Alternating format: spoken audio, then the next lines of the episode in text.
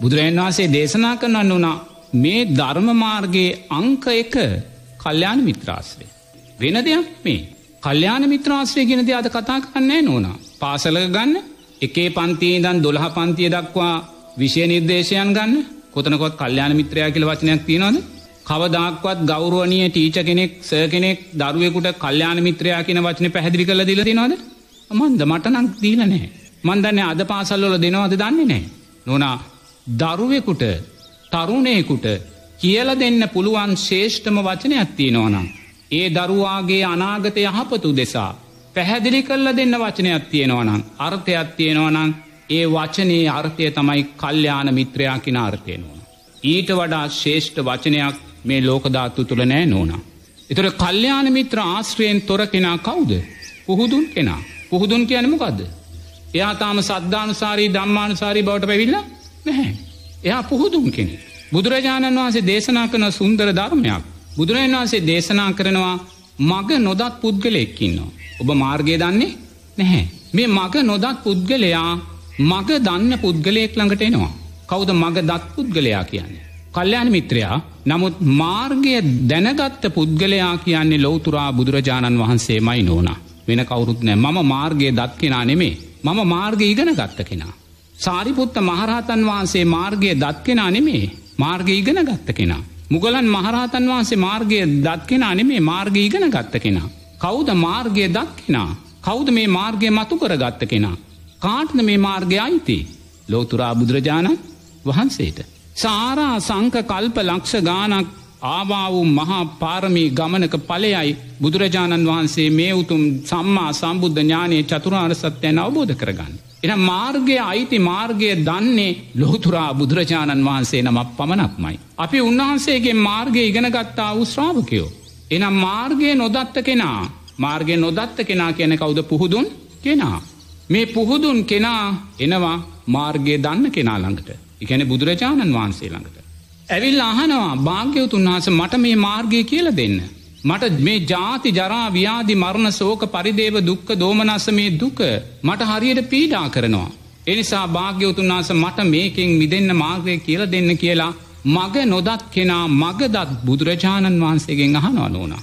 ඒ වෙලාවි බුදුරජාණන් වහන්සේ දේශනා කරනවා ඔබ ඉස්සරහට යන්න. කාර්ද මේ කියන්නේ මග නොදත් පුහුදුන් කෙනහට. තාමයා සද්ධානුසාරී දම්මානුසාරි වෙලා නැහැ. මග නොදක් කෙනාට කියනවා මග දත්ත බුදුරජාණන් වහන්සේ දරුව ඔබොහොම කෙලින්ම යන්න. කෙලින් යනකොට ඔබට දෙමං හන්දියක් හම්බුවෙනවා. ඒ දෙමං හන්දිය යංග ඔබ නවතින්න එපා. දැම් මේ මං කල්්‍යයාන මිත්‍රයා ගැන කියන්නේ දෙමං හන්දියක් හම්බුවෙන ඔබ දෙමං හන්දිය නවතින්න එපා. නැවත්තුනොත් ඒ නැවතින්න විචිකිච්චාව කියන තැන නවතින්. මොකද මේ දෙමං හන්දිය කියන්නේ විචිකිච්චා. එකන මේ දෙමං හන්දියෝම නවතින්න එපා මේකට තමයි විචිකිච්චාව කියන්නේ. කුමක් කෙරෙහි විචිකිච්චාවද. සැකය කුමක් කෙරෙහි සැකේද. බුදුරජාණන් වහන්සේ කෙරෙහි සැක කරනවා. ධර්මරත්නය කෙරෙහි සැක කරනවා. සංගරත්නය කෙරෙහි සැක කරනවා. බුදුරජාණන් වහන්සේ දේශනා කලාට සම සද්දා සමසීල සමතයාග සමප්‍රඥා වැඩුවොත් ඔබලාගේ මේ ආදරය පටිච්ච සමු පන්නව භවයෙන් භවයට යනව කියලා අපි ඒක පිළිගන්නේ නැහැ. ඒක ජීවිතයට එකතු කරගන්නේ නැහැ.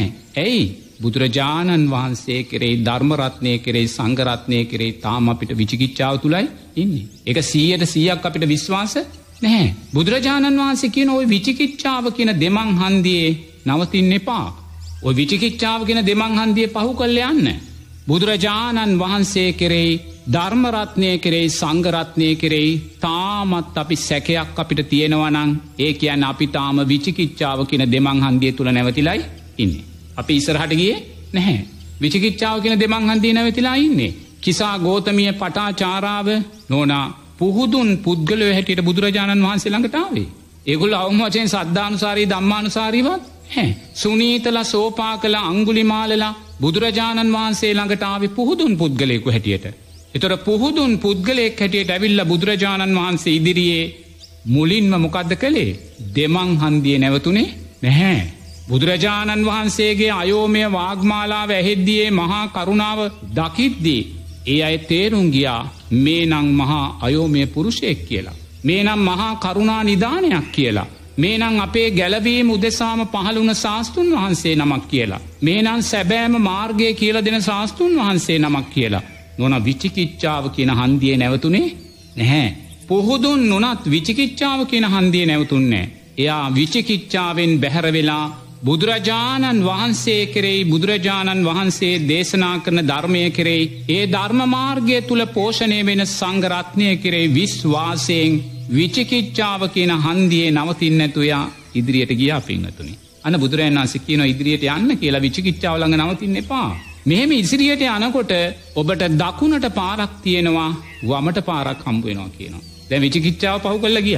එහෙම අද්දි බුදුරජාණන් වහන්සේ දැන් කියනවා කාර්දමය කියන්නේ මග නොදත් තාම සද්ධානුසාරී දම්මාන්සරි වෙලා නෑ විචිකිච්චාව බැහැර කලා විතරයි. මෙයා දැන් බුදුරජන් වන්සේ කියන දැන්යා විචිකිච්චාව කියන දෙමංහන්දී නැවතුන්නෑ යා ඉදිරියට ගියා ඉදිරියට යනකොට අන්න බුදුරජන් වන්සේ මොකක්ද කිව්වේ දැන් දකුණට පාරක් තියෙනවා වමට පාරක් තියෙනවා. ඔබ දකුණු පාරට නං හැරෙන්න එපා. වම් පැත්තට හැරෙන්න. දකුණු පැත්තට පාරත්තිනවා වම් පැත්තට පාරත්තිනවා ඔබ වම් පැත්තට නං හැරෙන්න එපා. දකුණු පැත්තට හැරෙන්න කියලා. එතුර මේ වමට හැරෙන පාර කියනමකක්ද මිච්චා ආරෙෂ්ඨාංගික මාර්ගය. දකුණු පැත්තට හැරෙන තියෙන පාරමොකක්ද සම්මා ආරෙෂ්ඨාංගික අන නෝන දැන් විචිකිච්චාවෙන් බැහැර වෙලා. එයා ඉදිරියට එද්දී වමට පාරත්තියනවා දකුණට පාරත්තියනවා වම් පාරමොකක්ද මිත්‍යා දෘෂ්ටි මිත්‍යා සංකප්ප මිත්‍යා වාචා මිත්‍යා කම්මන්ත මිත්‍යා ආජීව මිත්‍යා වායාමෝ මිත්‍යා සති මිත්‍යා සමාධි. හැරෙන්න්න නං එපා. මෙන දකුණට හැරෙන්න. දකුණට හැරෙද්දී සම්මා දිට්්‍යය ඔබට හම්බුවනවා. සම්මා සංකප්ප ඔබට හම්බුවනවා. සම්මා වාචා සම්මා කම්මන්තයන් ආජීවෝ සති සමාධියඔබට හම්බුවනවා. ඥාන දර්ශනයන් හම්බුවනවා මේ සියල්ල දකුණු මාවතේ තියෙන්නේ. එනිසා ඔබ දකුණු පැත්තට හැරෙන්න කියනවා. දැන් සමාජත් එක ගලපන්නකෝ සමාජත් එක ගලපද්දී දැම් මග නොදත් පුද්ගලයාට මග දත් ලෝතුරා බුදුරජාණන් වහන්සේ කියද්දී යන්න මෙහෙම කෙලින් යද්දී දෙමංහන්දියක් හම්බුවෙනවා අපේ බෞද්ධ ජනතාවගෙන් භාගයක් තාම මේ දෙමංහන්දිය පව්කොල්ලව නෑ තරහවෙන්න එපා කිව්වට තාම විචිකිච්චාව තුළ. තාම බුදුරජාණන් වහන්සේ ධර්මරත්නය සංගරත්නය කෙරෙහි පූර්ණ වූ සද්ධාවකට ඇවිල්ල නෑ නෝනා. සැකේ තුළයි බලන් මෙහෙම නොත් මෙහෙම වෙයිද. බුදුරජාණන් වහන්සේ කියන දේ පිළිගන්නේ නෑ බුදුරජන් වහන්සේ කියද මේ නියසිලට පස්්ටිකක් අරගෙන. මහනෙනින් මෙපමණයි සුගතිගාමී වෙන්නේ මහපොළවේ පස්ප්‍රමාන්ට දුගතිගාමී වෙනවා කියලා තාම අපි එක පිළිගන්නෑ නෝනා. අපි මරණ ගෙදරකට ගියොත් හැමෝම කියන්නේ මේ මැරිච්ච කෙනානං දිව්‍යලෝකෙට මයිගිය.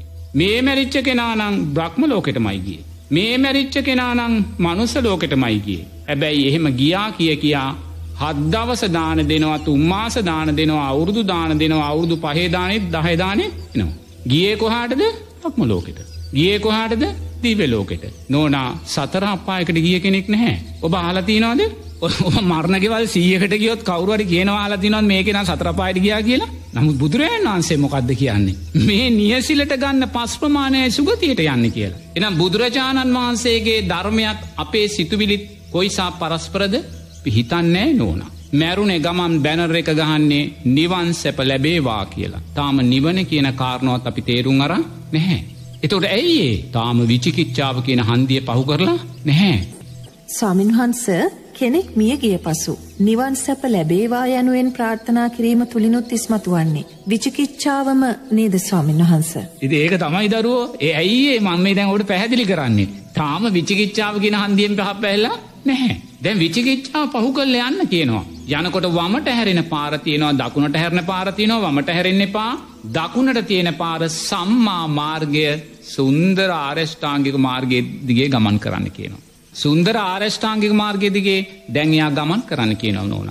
ඉතින් ඒ සුන්දර ආරෂ්ඨාංගික වමට හැරණ පාරදිගයා ගමන් කරලා දකුණට හැරණ පාරදිගේ ආරෂ්ඨාංගික මාර්ගය තුළ ගමන් කරලා නෝනා ඊළඟටයා ඉදිරියට යනකොට බුදුරජාණන් වහන්සේයාට දේශනා කරනවා මග නොදත්තා වූ පුද්ගලයට නෝනා ආර්යෂ්ඨාංගික මාර්ගය තුළයා සුන්දරව ගමන් කරද්දී. එයාට හම්බුවෙනවා කිනො ඉස්සරහදී මහා වනවදුලක්. වනවදුලක් කියනමකක්ද මහා කැලයක්. දැන් මේ මාර්ගයක්න කියන්නේ විචිකිච්චාව කියන දෙමංහන්දිය නැවතුන්නෑ පෙරටාවා ඊට පස්සේ ඇවිල්ලා වමට පාරෙන් හැරුන්නෑ දකුණු පාරට හැරුණා. දකුණු පාර කෙලින්ම එනවා ආරෂ්ඨාංගික මාර්ගය.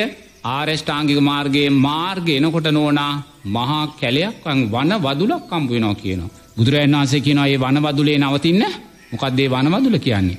අවිද්‍යාව කියන වනවදුල. අවිද්‍යාව කියන වනවදුල නැවතින්න එපා. ඔබ ආර්ය ෂ්ඨාංගික මාර්ගය කියන දකුණු පාරි ගමන් කරද්දී. ඔබට හම්බුවෙන මහා කැලයක් තියෙනවා නවතින්න නං එපා. ඔබ නැවතුනොත් ඔබ අවිද්‍යාව තුළ නැවතුනා වෙනවා. අවිද්‍යාව තුළ නැවතුනා කියනමොකක්ද ඔබ දුක දුක හැටියට දකින්නේ නැහැ. දුක සැප හැටියට දකින්නේ. ජාති ජරා ව්‍යාධි මරණ සෝක පරිදේව දුක්ක දෝමනස්යන් ප්‍රියන්ගෙන් වෙන්වීම් අප්‍රියන්නා එක්වීම් රූප වේදනා සංඥා සංකාර විඤ්ඥාන සැපයක් කොටම ගන්නවන ඕන. බුදුරජාණන් වහන්සේ ඉපදීම දුකයි කියද්දී උපන්දින සාධය වෙනුවෙන් ලක්ෂ ගනම් වැය කරනවා. බුදුරෑනස්ගෙන ඉපදීම දුකයි කියලා. ඉපදීම දුකයි කියද්දී බෝධින් නාසේලා ළඟ අම්මලා කී දාහක් දරුව බලාපොරොත්තුව අදින අද නෝන. බුදුරජාණන්සගෙන ඉපදීම දුකයි කියලා. එතෝට නිරතුරුවම දුක සැපක් කොට ගන්නවා නොන. දුක සැපක් කොට ගන්න. මේ රූපය ජාති ජරාව්‍යාදි මරණවලට යටත් කියද්දී නිරේතුරුවම මේ ජාති ජරාව්‍යාදි මරණ වලින් පිරුණා වූ රූපය සැපයක් කොට ගන්න. ඒ සැපේ නිත්‍ය භාවයට පත්ක මේ රූපය මගේ කර ගන්න මේ රූපය තුළ ම ඉන්නවා කියල ගන්න මේ රූපය තුළ මගේ ආත්මය තියෙනවා කියල මේ ආත්මය තුළ මම ඉන්නවා කියල දකිනවා. දකිමින් නිරේතුරුවම මේ රූපය සුවපත් වේවා කියල ප්‍රාථනා කරනවා. නිරෝගි වේවා කියල ප්‍රාථනා කරනු. ඒ නිසා නිරේතුරුවම දුක සැපක් කොට ගන්න. ඇයි ගන්නේ. අවිද්‍යාව කියන කැලේ තුළ නැවතුනා. ඉතිරාටගේ නැහැ. දුකට හේතුව තුෂ්නාව කෙළයා දකින්නේ නැහැ. එයා කියනවා තුෂ්නාව අඩුවන නිසායි මට දුක වැඩි වුණේ කියලා. එහෙමට කියන්නේ සමාර දරුවන්ට තාත්තල කියන්නේ ඔය මොකක්ද ඔහොම කල් හරියන්න පන්සල් ගිහිල්ල වැඩක් නෑ පිරිත් අහන්න ගිල්ල වැඩක් නෑ බනගෙදර ගිල්ල වැඩක් නෑ ගිහිල්ලා ඉගෙන ගන්න ගිහිල්ල රස්සාාවට යන්න ගිහිල්ල හම්බු කරන්න එහෙමනි කියන්නේනේ සමාජයේ ඔය මතේන තියන්නේනේ ඔය මතේ තියන්නේ බනගෙදරකට යන්න කැමති නෑ දානගෙදරකට යන්න කැමති නෑ පින්කම්පොලකට යන්න කැමති නෑ පෝයදාකට පන්සල්කට යන්න කැමති නෑ නමුත් පිංහතුනේ හම්බු කරන දේවල් උදෙසානං ආයිමත් නෑ නිදි මරාගනයේ දේවල් කරනවා. එතෝට නිරේතුරුවම තුෂ්නාවම වඩන්න කියනවා. පුළුවන්තරං හම්බු කරන්න. පුළුවන්තරං ඉතුරු කරන්න. පුළුවන්තරන් සම්පත් ගොඩ ගහන්න. බුදුරජාණන් වහන්සේ දුකට හේතුව තුෂ්නාව කියද්දී. අපි මේ මොකක්ද කරන්නේ. තුෂ්නාවම වර්ධනය කරනවා. තුෂ්නාවම ගොඩ ගහනවා. තුෂ්නාව වර්ධනය කරද්දි තුෂ්නාව ගොඩගහද්දි මේ ගොඩගහන්නේ දුකයි කියලනං අපි කවදක්වත් හිතන්නේ නැහැ. ඇයි තාම අපි අවිද්‍යාව කියන වනවදුලේ නැවතුනා. කඩාගෙන ඉදිරියට ගිය නැහැ. එතෝට එයා අවිද්‍යාව කියන වනවදුලේ නැවතුනා දුක කියන කාරණය දකින්නෙත් නෑ දුකට හේතුව තුෂ්නාව කියන කාරණය දකින්නෙත් නෑ දුක නැති කරන්න නම් තුෂ්නාව නැති කරන්න ඕනේ කියෙන කාරණය දකින්නෙත් නෑ නැති කිරීමේ මාර්ගය ආරෂ්ඨාංගික මාර්ගය කළ දකින්නේ ඇයි. එයා අර මහා අවිද්‍යාව කියන වනවදුලේ තුළ අතරමං වෙලා ඉන්න ඕන.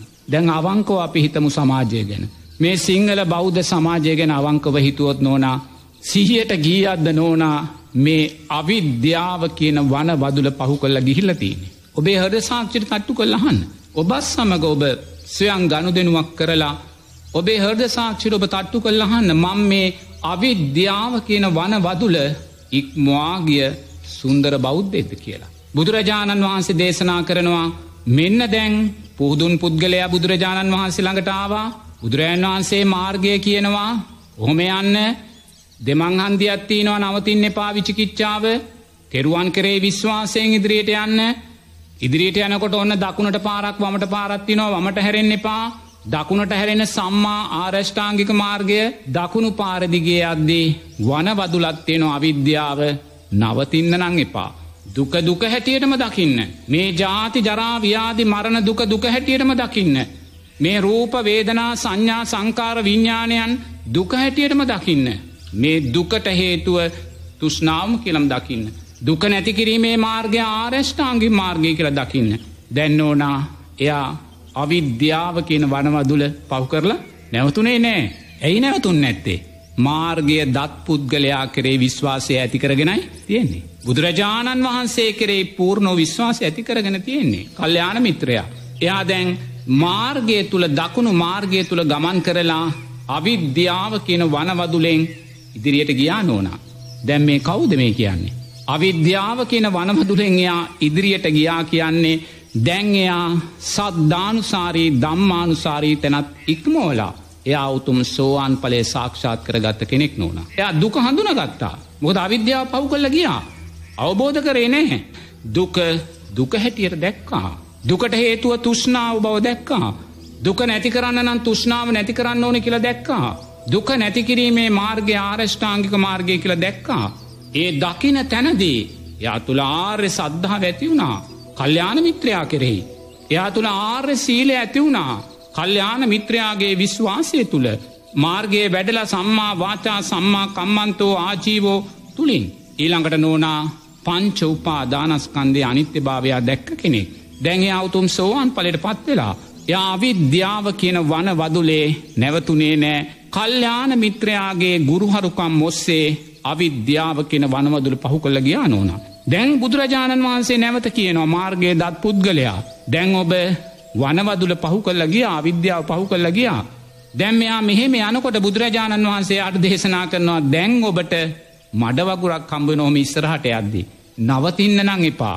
මොකක්ද මේ මඩවගුර කියන්නේ. කාමයන්ට කියන්න වූ තවත් නමක්. මොක දැන් සෝවාන් පලට පත්වනත් තාම යා තුළ කාමරාග පටික තියෙනවා. ඔබ සකරුදාගාමී පලට පත්වෙන්න පුළුවන්. එතනත් අනුශය වශයෙන් කාමරාග පටික තියෙනවා. දැන් ඔන්න පරිස්සම් වෙන්න ඔන්න ඉදිරියේ තියෙනවා මඩ වගුරක්. ඔබ මඩ වගුරනං නවතින්න නං එපා. මොකක්දේ මඩ වගුර කාමයන්ට කියන්න වූ නමක් කාමය ආස්වාදය. රූපය ආස්වාදය. ඇස පිනවන්න තියෙන්න්න වූ කැමැත්ත. කන පිනවන්න තියෙන්න්න වූ කැමැත්ත. නාසේ පිනවන්න තියෙන්න්න වූ කැමැත්ත. දිව පිනවන්න තියෙන්න්න වූ කැමැත්ත. මනස පිනවන්න තියෙන්න්න වූ ශරීරය පිනවන්න තියෙන්න්න වූ කැමැත්ත. එතොට දැන් සෝවාන් පුද්ගලයා මේවා පිනවනවා. ඒ පිනවන්නේ ආර්යසීලේ ශක්තිය තුළ ඉඳලා. එයා පංචුපාදානස්කන්දය අනිත්‍ය භාවය තුළ ඉඳලායි කාමයන් තුළ ඉන්නේ. බුදුරජන් වහන්සේ කියනවා ඔත්තන නවතින්න එපා. ඔබ ඔය මඩ බගුරෙන් ඉදිරියට යන්න කියනවා. ඒකැන දැන්යක් කාමයන් තුනී කරගෙන මඩ වගුරෙන් ඉදිරියට යනවා නෝනා. එයා මඩවගුරෙන් ඉදිරියට යද්දී. බුදුරජාණන් වහන්සේ කියනවා ඔහොම මඩවගුරෙන් ඉදිරියට යන්නකොට එකැනෙක් මේ කාමයන්ගේ ආදීනවයන් දැකලා කාමයන්ගේ අනිත්‍යභාවයන් දැකලා මේ රූපය සතරසටි පට්ටානයෙන් දැකලා මේ රූපය කායානු පස්සනාවෙන් දැකලා මේ රූපය දෙතිස් කුණුපයක් මේ රූපය සතරමහාධාතුවක් මේ රූපය ආයතනහයක් මේ රූපය අට්ටික සංඥාවක් මේ රූපය මරණානුස්සතියක් කියල දැකලා කාමයන් කෙරේ තියෙන තුෂ්නාව සියුම් කරගෙන ඉදිරියට යනකොට බුදුරජාණන් වහන්සේ කියනවා ඔතන හම්බුවෙනවා ලොකු ප්‍රපාතයක් කියලා. මහ බලක් හම්බුවෙනවා කියනවා. ඔබ ඔය වලට නම් වැටෙන්න බහින්න එපා කියනවා. එතනත් මගහැරලා ඔබ කෙලින් යන්න කියනවා. මොකද මේ ප්‍රපාතය කියලා බුදුරජන් වන්සේ දේශනා කරන්නේ ක්‍රෝධය. දැන්යා කාමයන් තුළ නැවතුනේ නෑ ඉළඟටයා ක්‍රෝධය තුළ නවතින්නේ නැහැ. කෝධයක් නිරෝධය වෙනවා. දැන් එතකොට නෝනා අතන්දි සෝවාන් පලට පත් වනා කොතෙන්ද සෝවාන් පලට පත් වනේ අවිද්‍යාව කියන වනවදුල ඉක්මවා අධ්‍යා උතුම් සෝවාන් පලට පත් වනා. තේන සකෘදාගාමි පලේටත් පත්වෙන්න පුළුවන්. දැන් ඊළඟට යාට නෝනා කාමයන් කියන මේ අර මහා මඩවගුරත් ක්‍රෝධය කියන මහා ප්‍රපාතයත් එයා පහු කලා එකැන මොකක්ද නෝනා එයා උතුම් අනාගාමි පලයට පත් වනා. කාමරාග පටිගියන්නයා ප්‍රහිණ කලා. එයා ක්‍රෝධය කියන මහා ප්‍රපාතයට වැටෙන්නේ නැහැ. එයා ආදීනවයන් දන්නවා. එයා නැවත නැවත ආර්ය සීලේ ශක්තිමත් කරනවා. එයා නැවත නැවත ආර්ය සද්ධාව ශක්තිමත් කරනවා. එයා නැවත නැවත පංචුපා දානස්කන්දේ අනිත්‍ය භාවය වඩනවා. වඩමින් එයා ක්‍රෝධය කියන ප්‍රපාතයට වැටෙන්නේ නෑ. දැන්යා කාමයන් කියන මහා මඩවගුරට වැටුනෙත් නෑ ක්‍රෝධය කියන මහා ප්‍රපාතයට වැඩුනෙත් නෑ ඒ කියන්නේ ඒ තැන එයා උතුම් අනාගාමී පලය සාක්ෂාත් කරනවා. කාමරාග පටිගයන් පහින කරනවා. බුදුරජන් වහන්සේ කියනවා දැන් ඉස්සරහටයන්. දැන්යා ප්‍රපාතය ක්‍රෝධයකෙන් ප්‍රපාතය නැවතුනේ නැහැ. කල්්‍යාන මිත්‍රයා කරෙයි විචිකිච්චාවෙන් බැහැරුණ කෙනෙක්. මාර්ගයා හරියට පිළිපදිනවා. එයට සැකයක් නෑ. එයා දන්නවා මේ කල්්‍යාන මිත්‍රයා නං සැක කරන කෙනෙක් නෙමේ. සැක කරන්න අවශ්‍ය කෙනෙක් නෙමේ. මග දත් උත්තමයෙක් මයි. එනිසා ඒ මාර්ගය තුළ මම් නිවැරදිව කල්්‍යාන මිත්‍ර මාර්ගය තුළ මම් වඩිනවා කියලා එයා දැන් අර මහා ප්‍රපාතෙත් නවතින් නැතුව එයා කෙලින් යනවා නෝන. යනකොට බුදුරජන් වහන්සේකෙන ඔබට සුන්දර සම භූමියක් කම්බුවෙනවා කියලා. ඒක තමයි නිවන කියලා බුදුරජාණන් වහන්සේ දේශනා කරනවා. එන නොනා කල්්‍යයාන මිත්‍ර ආශ්‍රයෙන් තොරව අපිට කවදදාක්වත් මේ ධර්ම මාර්ගය නෝන එක දසමයක්වත් අපිට ගමන් කරන්න බැහැ.